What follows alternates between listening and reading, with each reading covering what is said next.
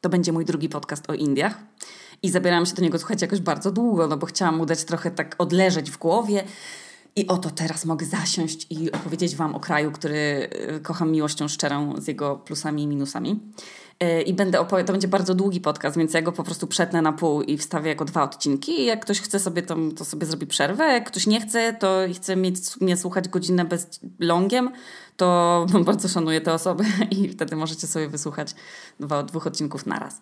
W każdym razie, Tuż w ogóle przed tym, jak my przylecieliśmy do Indii, no to pierwsze oczywiście, co się wydarzyło, to wylądowaliśmy na festiwalu.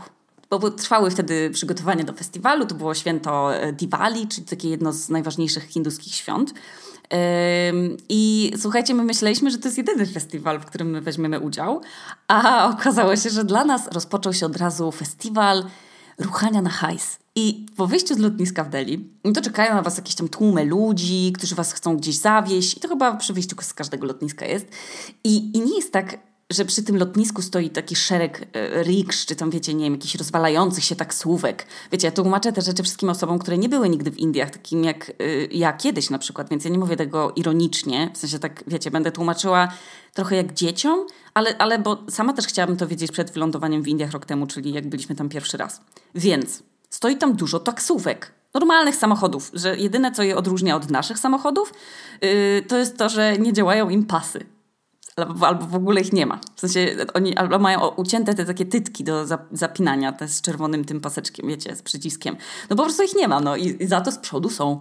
Nie rozumiem tego. Czemu oni je wycinają? No nie wiem, tak samo jak tam jest takie prawo, że z osób jadących na motorowerze, a na motorowerze się mieści tak stroje dorosłych albo cała rodzina, czyli ojciec prowadzi, mama jest z tyłu, a między nimi siedzi dwoje dzieci i oni tak jadą w, w cztery osoby na tym jednym motorowerze, no to z tej całej rodziny kask musi mieć tylko kierowca, a, a wszyscy inni nie.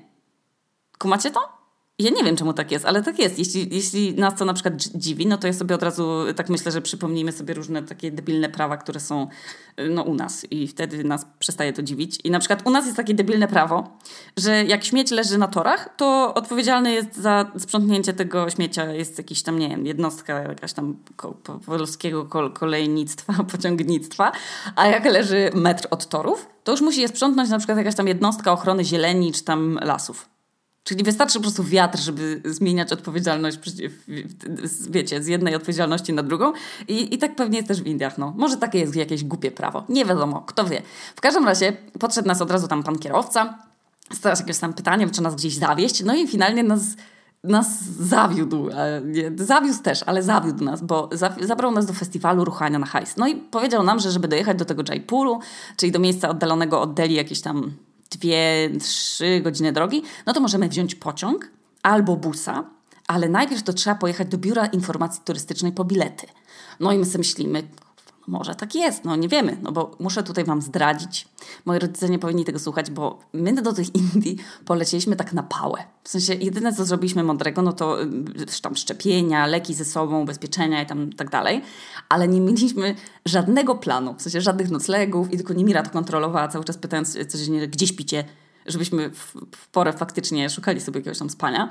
I słuchajcie, pan nas zabrał do tego biura turystycznego, no i faktycznie, no podjeżdżamy, szyld taki jest wielki, jest napisany government approved, lokal klimatyzowany, słuchajcie, elegancki, panowie w koszulach. W ogóle ciekawostka wtrącę, mężczyźni w Indiach to są, słuchajcie, największe ci czyścioszki w ogóle, jakich możecie sobie wyobrazić, bo nas w szkole uczą, że w Indiach jest brud, wiecie, jest bieda, jest wszędzie wszystko śmierdzi, a mało nas uczą, słuchajcie, o tym, że, że to nie jest cała prawda o tym kraju. Więc yy, po prostu nie możemy ufać temu, co mówi nam jedna strona, tylko powinniśmy wszędzie jakby badać e, e, jakby empirycznie. Powinniśmy sami e, starać się widzieć pełen obraz jakiegoś kraju. I ja się dopiero tego uczę, żeby nie ufać wszystkiemu, co, co słucham, tylko żeby jednak to sprawdzać.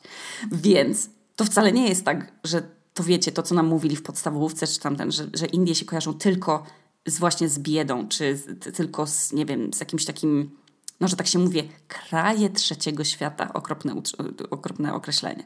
Mało nas w ogóle uczą o tym, Ja, ja, nigdzie wcześniej, słuchajcie, nie widziałam, żeby absolutnie niezależnie od statusu materialnego, każdy mężczyzna i każdy chłopiec chodził ubrany w koszuli. Bez przerwy, w ogóle niezależnie od pracy. To, to, to, to są koszule takie, jakie znamy, które noszą na przykład nasi ta, tatusiowie, ale też takie zwykłe, jak są w sieciówkach po prostu. Wygląda to bardzo elegancko.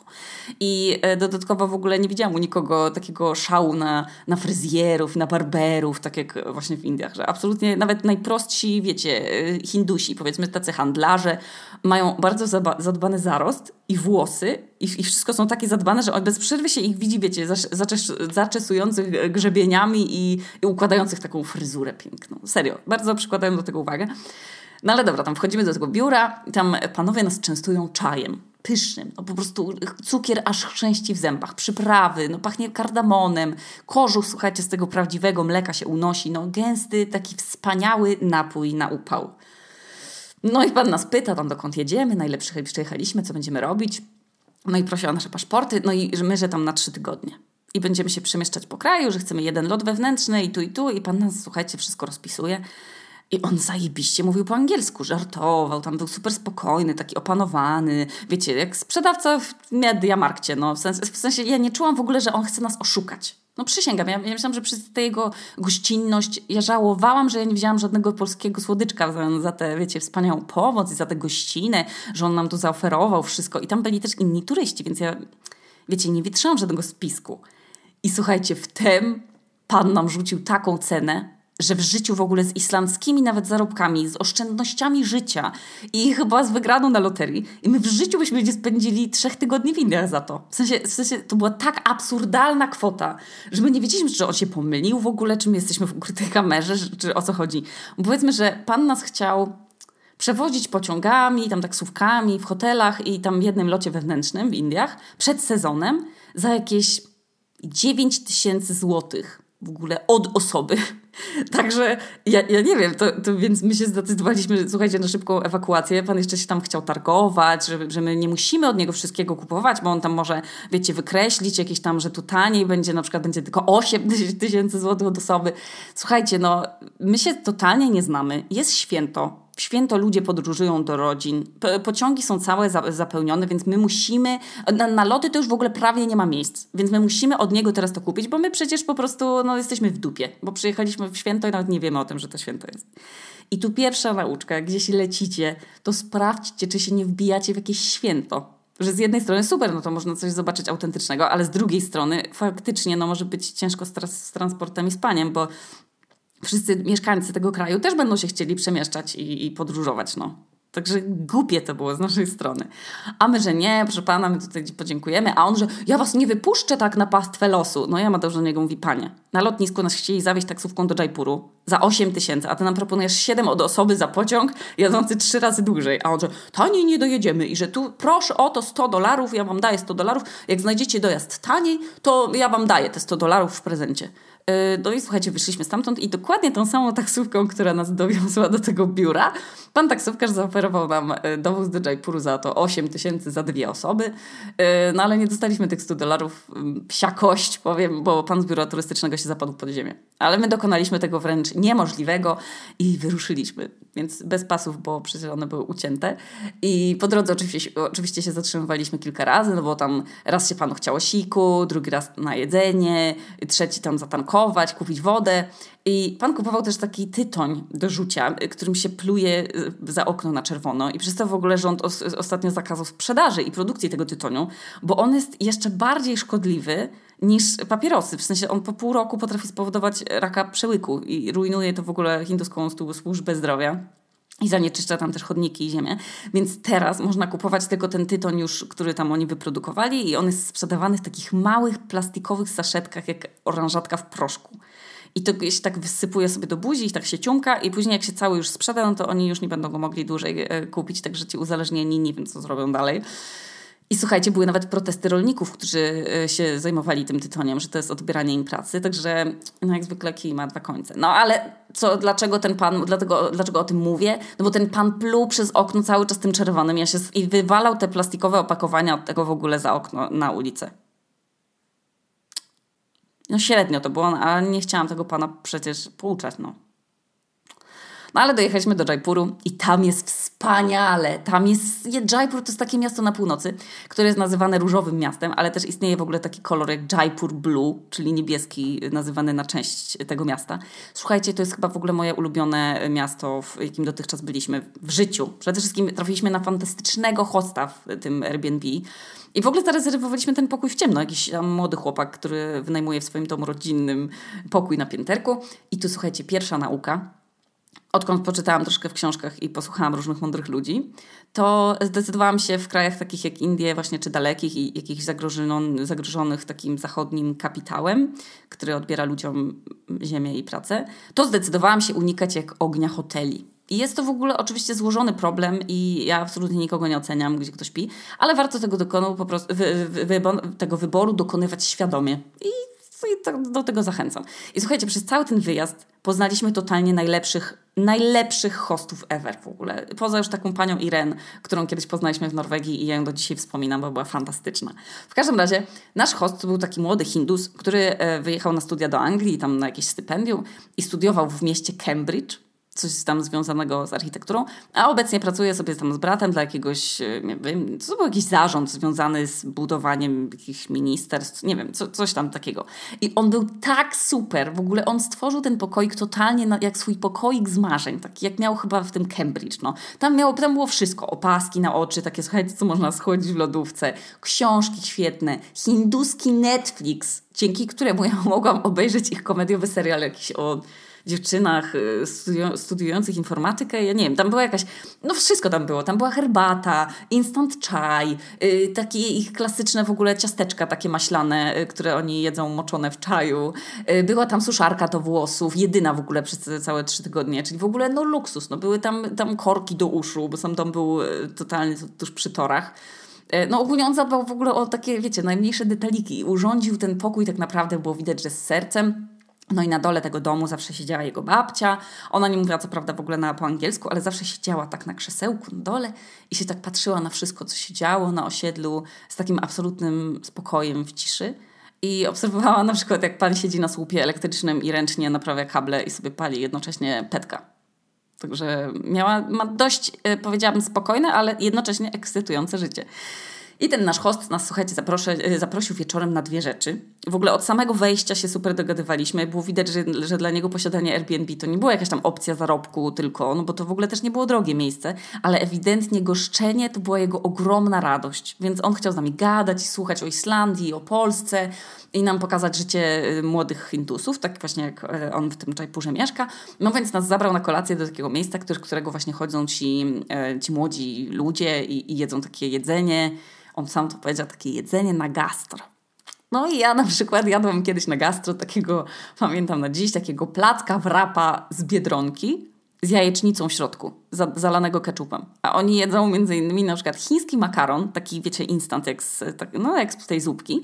On jest gotowany z przyprawą magii, bo oni kochają magii i mają na punkcie magii w ogóle obsesję, totalnie jak każda babcia wlewająca magii do rosołu w niedzielę. Więc e, ten nasz e, nowy kolega tam zamawiał wszystkie najwybitniejsze, po prostu iconic dania, takie comfort food wszystkich młodych. I tam była na przykład cała strona różnych makaronów magii. Takie wiecie, możecie sobie to zrobić samemu w domu, ale, ale wszyscy chodzą tam, żeby to zjeść. Była tam taka też taka jakby bułeczka, taka bułeczka na parze, trochę tak, jak, taka, taka, taki pampuch I, i on, on był taka mała bułeczka z serem panir w środku i z jakimiś sosami. Była taka ich specjalna tej knajpy, taka mm, pakora, czyli, czyli te smażone w mące z e, ciecierzycy i z soczewicy, te, takie warzywa. Był jakiś taki dziwny pudding z przypraw, w ogóle bardzo dziwne. No ogólnie, y, ogólnie jedliśmy tam takie bardzo dziwne połączenia smaków, a jednocześnie to było tak pyszne, to było smaczne w ogóle dodatkowo. Wszystkie te miejsca które on nam polecał i które rzeczywiście były ekstra, w których on chodził, e, do których on chodzi jeść, to one są w biurowcach. Wyobraźcie sobie taki budynek z późnych lat 90., w którym się znajdują różne takie biura, e, bank, nie wiem, tam sklep z dywanami i na którymś tam piętrze jest normalnie knajpa.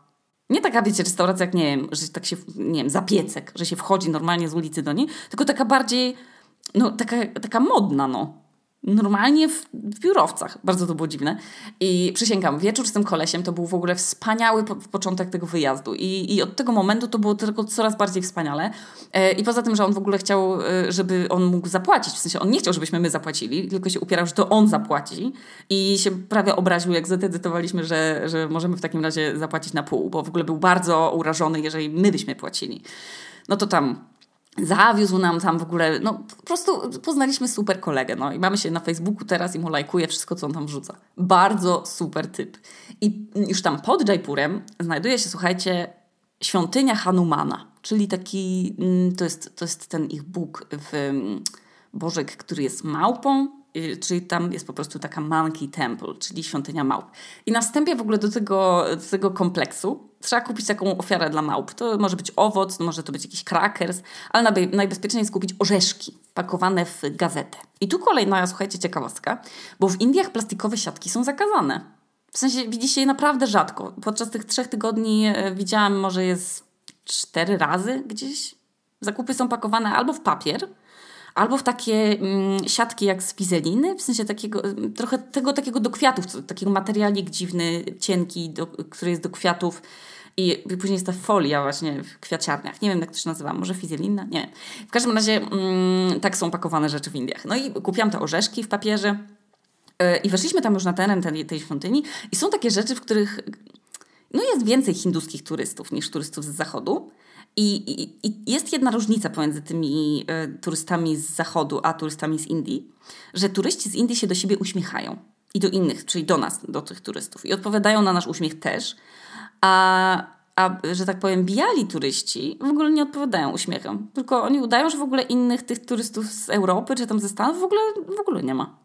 To jest dla mnie jakieś bardzo dziwne, bo jednak jak jesteś jedynym po prostu jednym z jedynych zachodnich turystów w jakimś miejscu. Jest to ogólnie, rzadko tam można spotkać kogoś, kto też przyjechał e, z Europy. No to chyba jest warto zapytać, gdzie jest jakieś fajne miejsce, nie wiem, gdzie można coś fajnego zjeść, gdzie się śpi fajnie, a, a okazuje się, że bardziej przyjaźni są mieszkańcy. I to jest kolejna nauczka, jaką dostałam w Indiach, że, że nie ma tak naprawdę co robić sobie przyjaciół wśród innych turystów, bo oni są średnio, słuchajcie, chętni do tego. Zdziwiło mnie to. Ja nie jestem, wiecie, może to dlatego, że ja nie jestem jakimś wielkim glub troterem. Ja, ja nie jeżdżę jakoś za bardzo, jak dobrze wiecie. Um, więc to jest, jest, coś, co mnie zdziwiło. Do teraz mnie to zastanawia, z czego to wynika. Jeżeli wiecie, z czego to wynika, to bardzo chętnie o tym porozmawiam. Mi się dowiem przede wszystkim. W każdym razie, o czym mówiłam? O, świątyni małp. No więc w świątyni małp było w ogóle wspaniale i, i tam po raz pierwszy widziałam małpy w, w ogóle w naturalnym środowisku i od tamtej chwili jestem absolutnie przerażona małpami. One wszystko kumają. One rozpoznają emocje w ogóle na twarzy człowieka i innych małp. Gestykulują. Widać, że one planują, że się porozumiewają ze sobą, urządzają takie zasadzki, y, przeganiają się w ogóle, biją się między sobą. Małe małpy są w ogóle tak małe, że na dużej małpie się może ich zmieścić z siedem tych małp. No i one od razu podchodzą po te orzechy, a potem siedzą i je jedzą tuż obok was.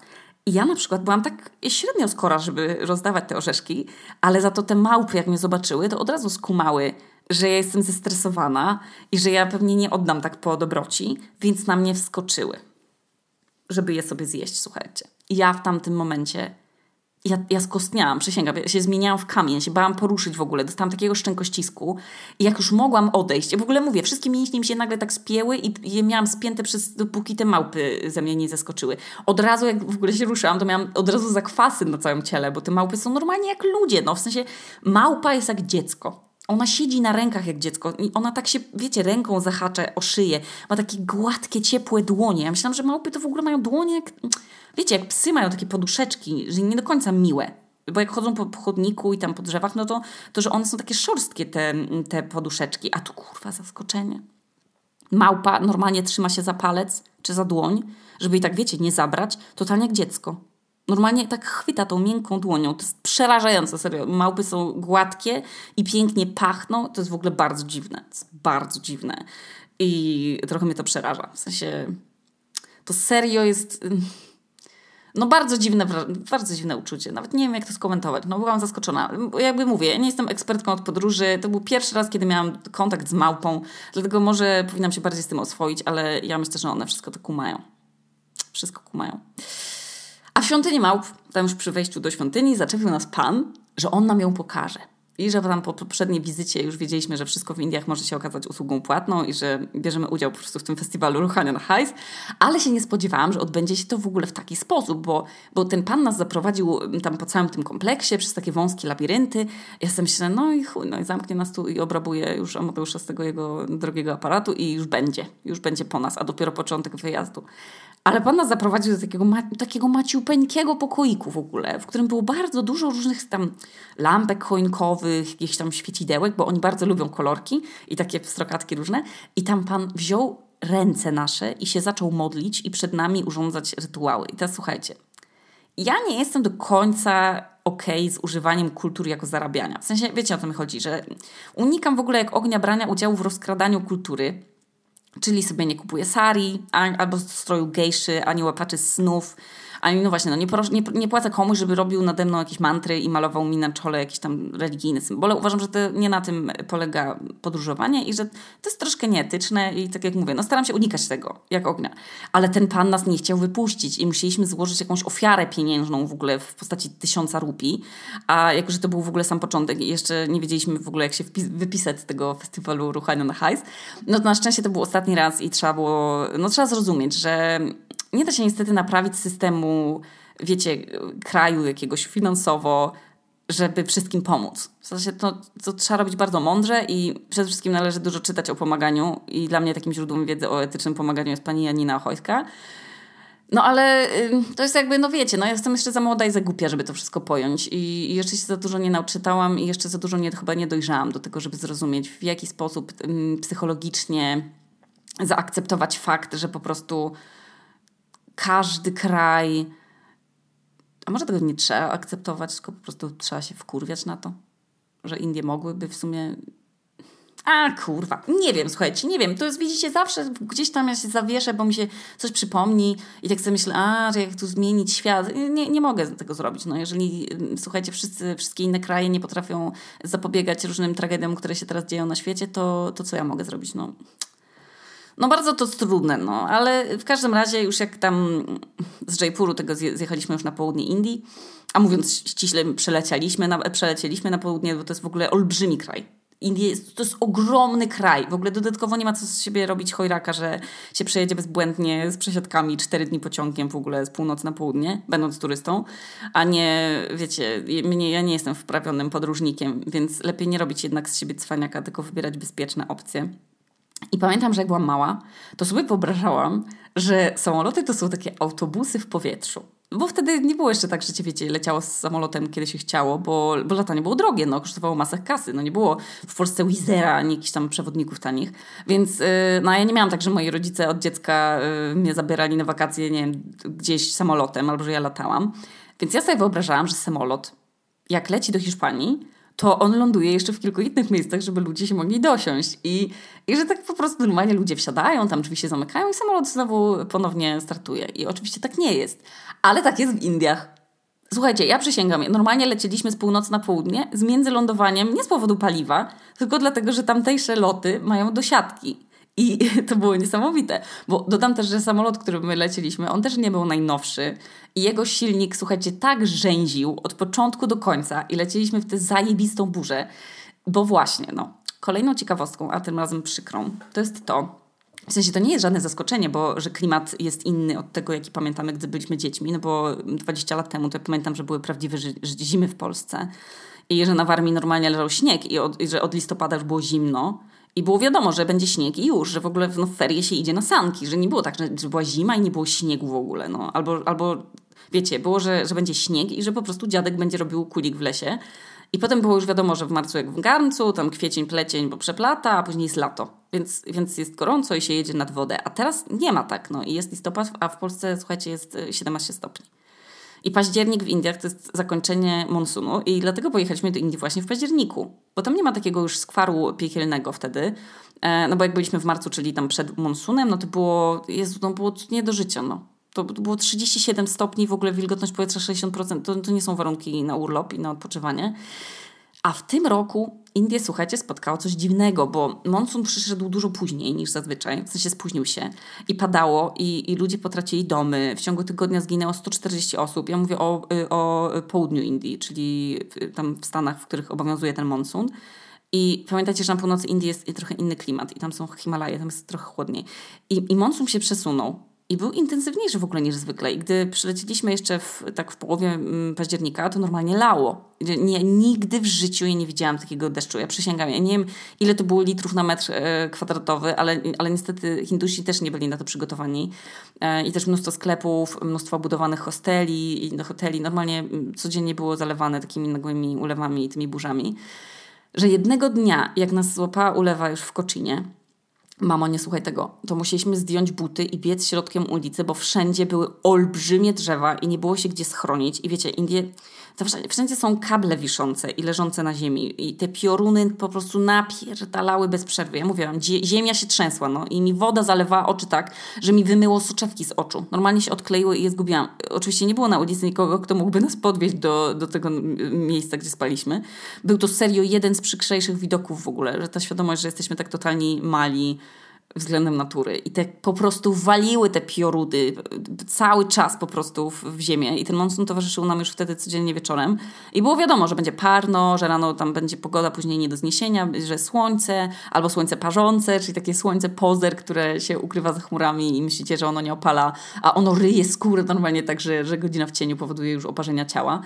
E, to stało się na przykład mi i pięćdziesiątka na twarzy jeszcze tam jakoś dawała radę, ale to chyba sprawka czapki, nie wiem.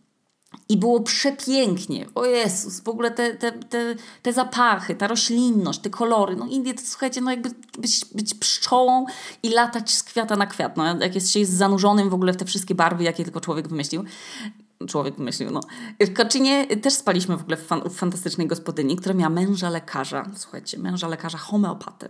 I on zarabiał na ten dom, a jej pracą, którą sama sobie zaaranżowała, to było właśnie prowadzenie swojego tego Airbnb hosteliku. I ta pani była, słuchajcie, przedumna z tej swojej gospodarności. Z tym. Ewidentnie ona kochała to, co robi. I przede wszystkim ona bez przerwy powtarzała w ogóle z jakich krajów ona ma gości, o wszystkich wiedziała, z każdego była dumna, że gości go. Opowiadała właśnie nam o tym Koczynie, co, co poleca robić. Yy, powtarzała znowu o gościach, że ona cały świat gości i tam, że turyści jej mówią, że ona robi najpyszniejszą kawę, jaką pili w życiu.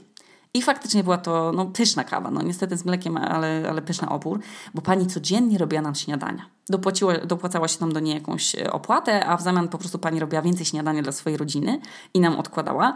I codziennie rano szliśmy do kuchni i tam czekały na nas już te śniadaniowe, keralskie specjały. I pani z nami siadała i nam opowiadała coś, albo my jej opowiadaliśmy, co, co tam zwiedzaliśmy.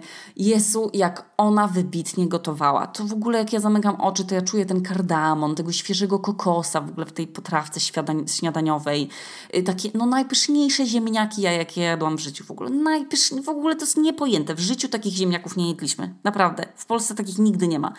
Y, paprykę taką chrupiącą, że aż, aż chyba w Zabrzu ją, słuchajcie, było słychać. No przepyszny ananas. W ogóle ciekawostka kolejna, y, kolejna że słuchajcie, na ulicy chciałam zjeść ananasa. I w ogóle już, już kij w to, że pan mi go nakładał palcami, w ogóle, że go kroił nożem nieświadom, takiego niewiadomego pochodzenia. Ale byłam tak zdesperowana już na jakiś soczysty owoc, że już mu go prawie wyrywałam z rąk. A on, słuchajcie, go nagle w ostatnim momencie posypał solą i papryką. I ja sobie myślę, kurwa, no mi zrujnował mi mój owoc, no. I wzięłam do buzi tego ananasa i słuchajcie, moje ślinianki się zalały śliną. No potoki w ustach, bo ja już teraz, słuchajcie, mam ślinę w ustach, bo mi się przypomina, jaki to był pyszny ananas. Bo słuchajcie, sól powoduje, że ananas puszcza sok i się staje po prostu najbardziej ananasowatym z ananasów. No to jest wybitne, ja nie mam słów, słuchajcie, no to jest normalnie trzeba mieć buzi, buzię zamkniętą, no, bo można spowodować powódź na swój dekolt, no przysięgam, no sól na ananasie forever. Poza tym sól zatrzymuje wodę w organizmie, więc to ma jakiś tam sens w takim klimacie. No i pani robiła nam poza tym ananasem fantastyczne śniadanie codziennie, no typowo keralskie, na przykład taka potrawka ostra z ziemniakami, do tego jakieś tam placki z ryżu, albo taka potrawka kokosowa z mleka kokosowego, świeżego, y, robionego też przez panią, y, z taką suszoną papryczką chili całą dużą i z kardamonem i w ogóle tam to wszystko pakują, słuchajcie, masę przypraw i na, przypra- na przykład ich ulubioną jest gorczyca. W ogóle bardzo dziwne. W życiu w ogóle u nas się nie stosuje tyle gorczycy. I w ogóle różne kolory pieprzu. A co do pieprzu, to później Wam powiem ciekawostkę, ale skończę o koczynie. I pani nam poleciła taką szkołę tańca tradycyjnego, w której codziennie wieczorem są występy. No i tam normalnie się uczą dzieci, nastolatki. No tak jak u nas są tańce ludowe, no to oni się tam uczą tańca katakali. I to jest niezwykłe. Ja nie mogę o tym, słuchajcie, dużo opowiadać, bo ten podcast będzie miał chyba z cztery części, czyli będzie najdłuższym monologiem e, w historii w ogóle ludzkości. Ale katakali to jest taka tradycyjna keralska sztuka religijna, powiedzmy, którą naprawdę bardzo warto obejrzeć. To jest, to jest niezwykłe, no. I tak jak unikam kontaktu z obcymi, to słuchajcie, poszłam później do pana, który grał w tym, no, w tym przedstawieniu, żeby powiedzieć, że to była jedna z najpiękniejszych rzeczy, jaką widziałam w życiu. Przysięgam. Katakali on przedstawia tam muzyką i tańcem po prostu tradycyjne sceny z tych hinduskich Ved, w których biorą udział różne postaci boskie i, i, takie mistyczne. No i na tę sztukę składa się muzyka wraz z tym absolutnie arcydziwnym dla ludzi zachodu śpiewem e, w tej dziwnej częstotliwości, wspaniałym. E, oraz, słuchajcie, składa się to z tańca gałek ocznych to jest w ogóle rzecz nie do opisania. On, on mi się przez 6 lat, słuchajcie, oni się uczą tam tańca gałek ocznych, by nimi oddawać różne emocje i stany. Gałkami ocznymi. Góra w dół, góra w dół, prawo, lewo, prawo, lewo. Idealnie do muzyki. W sensie w oczy przed spektaklem się wkłada nawet jakieś specjalne nasionko, które barwi te białka na czerwono, i, bo na żółto też mogą być, to w zależności już od postaci, jaką aktor gra. I godzinę przed spektaklem, to, to bo tam pani nam to rezerwowała miejsca, zadzwoniła do tej szkoły i udało nam się nas wrzucić w ogóle w drugi rząd. To godzinę przed tym e, eventem można było sobie przyjść i obejrzeć, jak aktorzy się malują. I też ten pan z zespołu przepięknie opowiadał o tym, w jaki sposób jest robiony barwnik, że to, są, to jest olej kokosowy wymieszany właśnie z różnymi jakimiś tam kolorami pozyskiwanymi z roślin, się używa węgla, popiołu, jakichś różnych tam cudów. I panowie, bo grają sami mężczyźni, malują sobie nawzajem zgodnie tam z tymi tradycjami. Każda postać jest umalowana jakoś inaczej i każdy kolor też symbolizuje coś innego.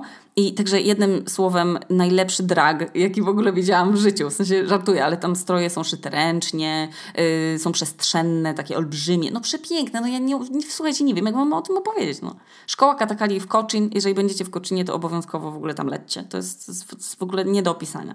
I taniec jest w ogóle sam w sobie przepiękny. No, historie są w ogóle bez puenty, ale, ale z tych sztuk nie musi wynikać żaden morał. To było jedno z najwspanialszych doświadczeń w całym moim życiu, przysięgam. Serio. A drugim takim, że szczena opada, to też było zaproponowane nam przez panią, to był rejs po tak zwanych backwaters keralskich, takich dżunglowych kanałów. I ja ogólnie byłam od razu sceptycznie do tego nastawiona, bo się tam gdzieś kiedyś naczytałam, słuchajcie, że, że one bardzo zanieczyszczają środowisko, bo są na silniki i używają tanich paliw i że niektóre biura organizują je, wiecie, tylko właśnie dla, dla tych turystów, żeby mogli jak w zoo po prostu patrzeć na ludzi żyjących y, tam przy kanałach. Ale tu tak nie było. I był to naprawdę taki kajak, którymi kierowali dwaj panowie i używając do sterowania i wprawiania go w ruch takich bambusowych kijów. I słuchajcie, z ogromnym szacunkiem w ogóle traktowałam to doświadczenie, bo ja wiedziałam, że ci panowie pracują po pierwsze fizycznie, żeby nas tam przewieźć przez te kanały, żebyśmy mogli na własne oczy zobaczyć i usłyszeć w ogóle te ptaki, te cisze, te, te świerszcze, ten szelest liści. To jest w ogóle nie do pisania. Ja, jest, więc ja byłam po prostu zafascynowana tym. No, I w ciszy obserwowałam w ogóle ten spektakl przyrodniczy. I te ptaki kolorowe, w ogóle jest, no ja nie, nie wiem jak wam tego opisać, mogę wam tylko wrzucić dźwięk, no. Jeżeli ktoś z Was chce też przeżyć to doznanie, to, to poszukajcie jak najbezpieczniejszej opcji, czyli krótki rejs, nie kilkudniowy czy tam całonocny, tylko taką krótką wyprawę, tam dwu, trzygodzinną, nie napędzaną też silnikiem spalinowym i nie pływającą przy domach ludzi, narażając ich na, na hamówę turystów. I, I słuchajcie, popełniałam tam takie faux, paux, takie powiedziałabym frappe, bo chciałam okazać szacunek temu panu, który popychał tę łódź. I wiecie, no skwar, ja sobie siedzę jak dama, no wspomnienia w ogóle do końca życia, ale ktoś tutaj ciężko zapierdala, żebym ja mogła tego doświadczyć. Więc postanowiłam jeszcze dyskretnie panu dać napiwek po tej podróży, no bo się daje też napiwek taksówkarzowi. Ja na przykład dawałam y, kiedyś taksówkarzom, bo ja nie wiedziałam, że opłata startowa już jest często napiwkiem, ale albo dajemy napiwki komuś, kto nam serwuje jedzenie, nie? W ramach podziękowania no i ja mu dałam po prostu banknocik, tak bardzo dyskretnie, a widział to, słuchajcie, przewodnik wycieczki, który nie zapierdalał fizycznie, tylko po prostu siedział i nam opowiadał coś tam.